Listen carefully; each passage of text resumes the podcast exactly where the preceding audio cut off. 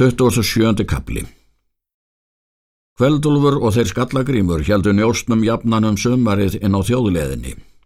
Skallagrímur var hverjumanni stygnari. Hann sá sigling þeirra Hallvars og kendi skipið því að hann hafði það skip áður séð þá er Þorgils fór með. Skallagrímur helt vörð á um ferð þeirra hvar þeir lögðu til hafnar um kveldið síðan fer hann aftur til liðsins og segir Kveldulfið það er hann hafði séð svo það að hann hafði kjent skipið, það er þeir Hallvarður hafði tekið á Þorgísli og Þórólfur hafði átt og þar myndu þeir menn okkur er fylgja er veidur myndi í vera. Síðan búast þeir og búa báða bátana og hafðu töttugu menn á kvorum. Styrði öðrum kveldulfur en öðrum skallagrímur. Róa þeir síðan og leita skipsins en er þeir koma að, þar er skipið lág, þá lögðu þeir að landi. Þeir Hallvarður höfðu tjaldað yfir skipi sínu og höfðu þá lagst til svems, en er þeir kveldólfur komið að þeim, þá hljópuð varmenn upp, er sátu við bryggjusborð og kölluð á skip út, báðu menn upp standa, sögðað ófröður fór að þeim, hljópuð þeir Hallvarður til vopna sinna. En er þeir kveldólfur komið að bryggjusborðinum, þá gekk hann út að skuttbryggju, en skallagrimur gekk fram að bryggjunni. Kveldólfur hafði í hendi breintröll.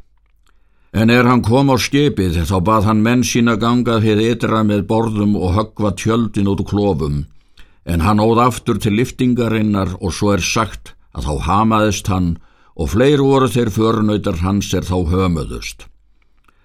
Þeir drápu menn þá alla er fyrir þeim urðu slikt sama gerði skallagrimur þar er hann gekk um skipið. Léttu þeir feðgar eigi fyrir hann hróðið var skipið. En er kveldúlfur kom aftur að liftingunni reyndi hann upp að breintröllið og höggur til Hallvars í gegnum hjálmin og höfuðið og sökk allt að skafti. Nyktið hann þá svo hart að sér að hann brá Hallvarði á loft og slöngdi honum útbyrðis. Skallagrimur rutti framstafnin og draf sig trygg. Mart hljóf manna á kaf en menn skallagrims tóku bátinn er þeir höfðu þangað haft og réru til og drápa þá alla er á sundinu voru. Þar lést allsmanna Hallvars meirinn fimm týjir manna en þeir skallagrimur tóku skipið það er þeir Hallvarður höfðu þangað haft og fjö allt það sem á var. Þeir tóku höndund tvo menn eða þrjá þá er þeim þóttu sem minnstir væru fyrir sér og gáðu greið og höfðu af þeim tíðindi. Fréttu hverjir menn hefðu verið á skipinu og svo hvernig ferð þeirra hefði ætluð verið. En er þeir voru vísir ornir allsins sanna þá könnuð þeir valin þannig á skipinu lág. Fannst þeim þá það á að meiri hlutur manna hafi fyrir borð hlaupið og þau týnst en það er fallið hafið á skipinu. Þeir senir Guttóns höfðu fyrir borð hlaupið og höfðu týnst. Þá var annar þeirra tólvetra en annar tíu og hinn er vannlegustu menn. Síðan let skallagrimur lausa fara þá menn er hann hafi greið gefið og bað þá fara á fund Haralds konungs og segja honum vendilega frá þeim tíðundum er þar gerðust og svo hverjir þar höfðu verið. Skulu þér, saði hann, vera konungi kviðling þennan. Nús hersis hemd við hilmi emd gengur úlfur og örn og ynglingsbörn, flögu höggvin hræ hallvars á sæ, grár slítur undir arisnar fara. Síðan fluttu þeir grímur skipið með farmi út til skipast sinna, skiptu þá skipunum, hlóðu þetta er þá höfðu þeir fengið, en ruttu hitt er þeir höfðu áður og minna var, báruð þar í grjót og brödu þar á rauvar og söktu niður, syldu síðan á hafút þegar byr gaf. Svo er sagt að þeim mönnum veri farið er hamramir erum að þeim er bersusgangur var rá að meðan það var framið þá voru þeir svo sterkir að ekki helstu við þeim en fyrst er afar gengið þá voru þeir ómáttkari en að vanda.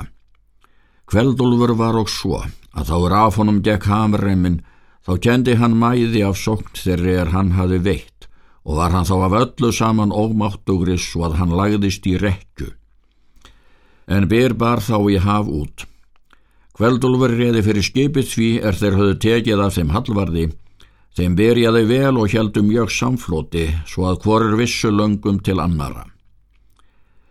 En er sóttist hafið þá elnaði sótt á hendur kveldulfi en er dró að því að hann var banvæn þá kallaði hann til skipvera sína og sagði þeim að honum þóttir líklegt að þá myndi brátt skilja vega þeirra. Hef ég, sagði hann, ekki kvelli sjúkur verið en ef svo fer sem mér þykir nú líklegast að ég andist, þá gerði mér kistu og láti mig fara fyrir borð. Og verður þetta annan veg en ég hugði að vera myndi ef ég skal eigi koma til Íslands og nema þar land. Þér skuluð bera hverju mína grími sinni mínum þá er þér finnist. Og segið honum það með ef svo verður að hann kemur til Íslands og beri svo að þótt að mennu ólíklegt þykja að ef sé þar fyrir þá taki hann sér þar bústað sem næst því er ekki að landi komið. Littlu síðar andaðist kveldulfur. Gerðu skipjarar hann svo sem hann hafi fyrir mælt að þeir lögðu hann í kistu og skötu síðan fyrir borð. Grímur hétt maður, sonur Þóris Ketils, sonar kjölfara, kynstór maður og auðugur. Hann var skipvergi kveldúls, hann hafi verið aldarvinur þeirra feðga og hafi verið í ferðum bæði með þeim og Þórulfi, hafi hann og fengið reyði konung fyrir þá sög. Hann tók til forráða skipið eftir er kveldúlfur var döður. En er þeir voru komnir við Ísland þá syldu þeir sunnan að landi.